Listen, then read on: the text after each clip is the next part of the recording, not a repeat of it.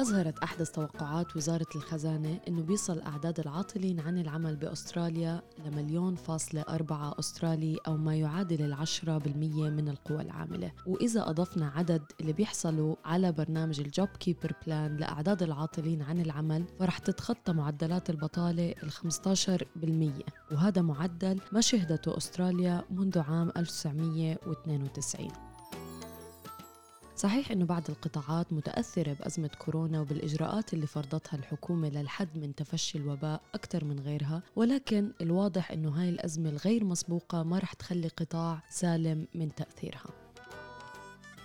مرحبا معكم مرام إسماعيل من بودكاست لنحكي عن المال. واليوم رح نحكي أنا والمحلل الاقتصادي عبد الله عبد الله كيف ممكن نحضر حالنا لإمكانية خسارة عملنا أو جزء من مدخولنا ونشوف شو هي الخطوات العملية اللي ممكن نأخذها اليوم لتحمينا بكرة؟ بس خليني أذكركم إنه كل اللي بنقال بهالحلقة هو على سبيل المعلومات العامة فقط وليست نصيحة خاصة. عبد الله خبي قرشك الأبيض ليومك الأسود. بالفعل الأيام شكلها سودة على كتير ناس ومع مرور الوقت وإحنا بالأزمة عم نكتشف مدى عمق وصعوبة هاي الأزمة. عبد الله إيه والله صحيح يا مرام بالفعل الأزمة كبيرة ونحن بهالوسط عم نكون واقعيين وما قصدنا أنه ننشر جو من التشاؤم مع المستمعين ولكن الاعتراف بالمشكل هو نصف طريق لحلها ليه عم نقول هيك يا مرام؟ لأنه كثير منا بعضهم على رأس عملهم أكيد وإن شاء الله ما بيخسروا ولا دقيقة من شغلهم ولا قرش من رواتبهم. ولكن الحرص واجب ونحن ما لازم نتصرف على أساس انه وضعنا منيح والأزمة بعيدة عنا وعن شغلنا، أصعب إشكالية عم نمرق فيها اليوم بأزمة كورونا مرام. إنه مش قادرين نتوقع متى ممكن تخلص. بالفعل أول خطوة بالاتجاه الصحيح عبد الله هو التوقف عن دفن رأسنا بالرمل.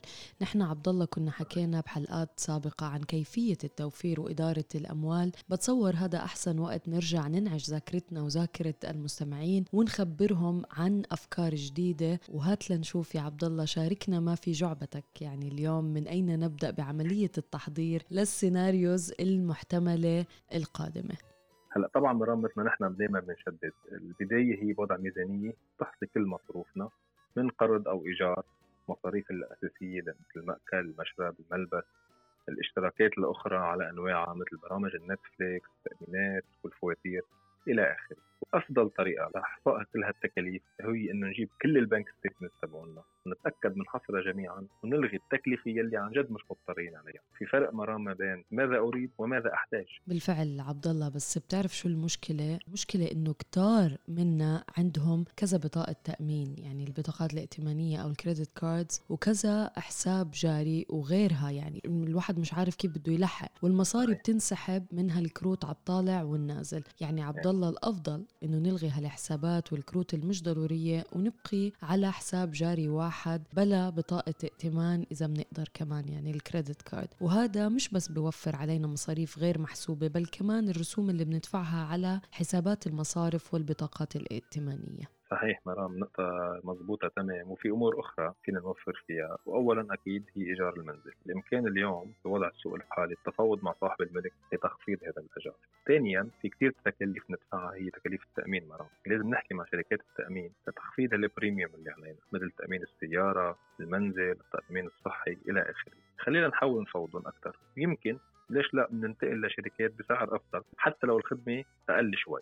أغلبنا بالوقت الحالي ما كثير عم بيروح بسيارته لاماكن بعيدة. يعني ممكن نلغي مثلا قصه ال roadside assistance اللي بتكلف مبلغ وقدره بالشهر ونوفر هالقرشين بهالفترة. ونفس الشيء بيطبق على شركات الكهرباء والمي والإنترنت وال telephone plans وغيرها. من ناحية تانية عبد الله كثير منا متعودين على الأكل الدليفري يعني هلأ إحنا قاعدين بالبيت فمش غلط نتساعد بتحضير الأكل. اولا أوفر وثانيا صحي. وبالحديث عن الصحة عبد الله مش غلط نقوم بالأعمال المنزلية بأنفسنا مثل قص الحشيش وبعض أعمال الصيانة. كمان أوفر وبتساعدنا نضل مشغولين بفترات الحجر. يعني هلأ كمان صار الواحد صعب يجيب حدا يساعده بتنظيف المنزل أو بالطبيخ أو مع الأطفال لأنه الواحد صار خايف. يعني إنه اللي عم بفوت لعنده هل عم بيتبع إجراءات النظافة الصحية؟ إذا البيت صغير في عدد أكبر من اللازم بالبيت. لهيك الواحد يعني الله يعيننا على هالفترة. بدنا نعمل كل شيء لحالنا ونتعاون إنها تمر على خير إن شاء الله. إن شاء الله.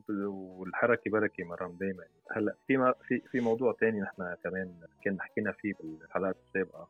هو إنه ممكن نحن نتفاوض مع المصارف والمؤسسات المؤسسات الدائمة لنحاول نخفف تكلفة القرض الإجمالية اللي علينا إن عبر تكلفة الفوائد أو حتى الرسوم لأنه في كثير قروض عليها رسوم فيز يعني. وأيضا نتفاوض على إعادة جدولة معينة بحيث إنه تخف دفعتنا الأسبوعية أو الشهرية. هلأ ممكن حدا يقول لنا إنه طب إذا أنا قادر أدفع ليه ما بدفع؟ صحيح فيها وجهة نظر بس كمان لازم نخلي معنا شوية كاش على جنب في حال صار معنا أي شيء بالمستقبل. وأكيد لازم 100% نتجنب أي استدانة بفوائد عالية مثل على ال credit card أو المؤسسات ال instant cash وغيرها. والعلاقة مع البنوك والدائنين بحب نلفت نظر المستمعين إنه في مؤسسة اسمها National Debt Helpline يلي هي بتقدم نصائح مجانية خاصة عن كيفية التعاطي مع ديوننا بيعطونا نصائح كيف نحكي مع المصارف يعني شو اللغة اللي نستعملها معهم وشو المطلوب منهم. ال website تبعهم هو ndh.org.au كمان من الضروري عبد الله تأجيل شراء أشياء مش مضطرين إلها بالوقت الحالي مثلا مثل شراء سيارة جديدة أو أدوات كهربائية أو غيرها. لا بالعكس إذا كان عنا فائض أشياء يعني ما عم نستعملها ممكن نبيعها وبالإمكان الاستفادة من مواقع التواصل الاجتماعي لبيع البضائع. وهون أيضا لازم عبد الله نقمع وحش التسوق اللي جواتنا.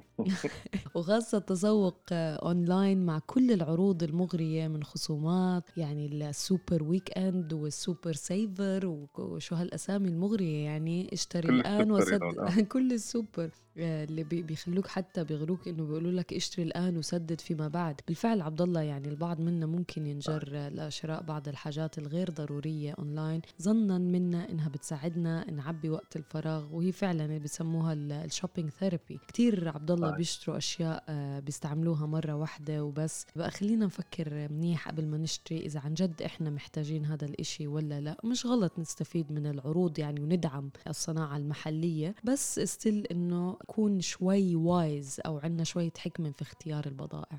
صحيح 100% وبالكلام عن ال super super savers وال super Saturdays وهالشغلات خلينا نحكي على موضوع السوبر أهم ونضوي عليه. هلأ مثل ما سمعنا نحن انه الحكومة سمحت من ضمن سلسلة إجراءات الكورونا يعني سمحت لأستعمال 10000 دولار من ال superannuation fund لهالسنة و10000 دولار السنة الماليه الجديده اللي هي بتبلش بتموز يوليو الجاي. هون نحن بدنا حابين نلفت نظر المستمعين إنه إذا ما كنا كثير كثير مضطرين لنسحب من السوبر ما لازم ندق فيه. أسوأ شيء ممكن يصير معنا يا مرام إنه نسحب من هذا السوبر ونشتري فيه أشياء أو نستهلكه بمصاريف ممكن عن جد نتجنبها. خلينا نعطي مثل مرام إذا شخص بعمر ال 40 اليوم سحب 20000 دولار اليوم ممكن يخسر 80000 دولار من السوبر عند التقاعد ولشخص بعمر ال 25 سنة اليوم. هل 20000 دولار ممكن تكلفه 120000 دولار عند التقاعد؟ نفهم إنه في كثير ناس ما عنده خيارات ثانية بس يلي عنده خيار ما يسحب من السوبر يفكر بالموضوع مرتين وثلاثة. صحيح عبد الله يعني هذا موضوع كثير لازم ننتبه له.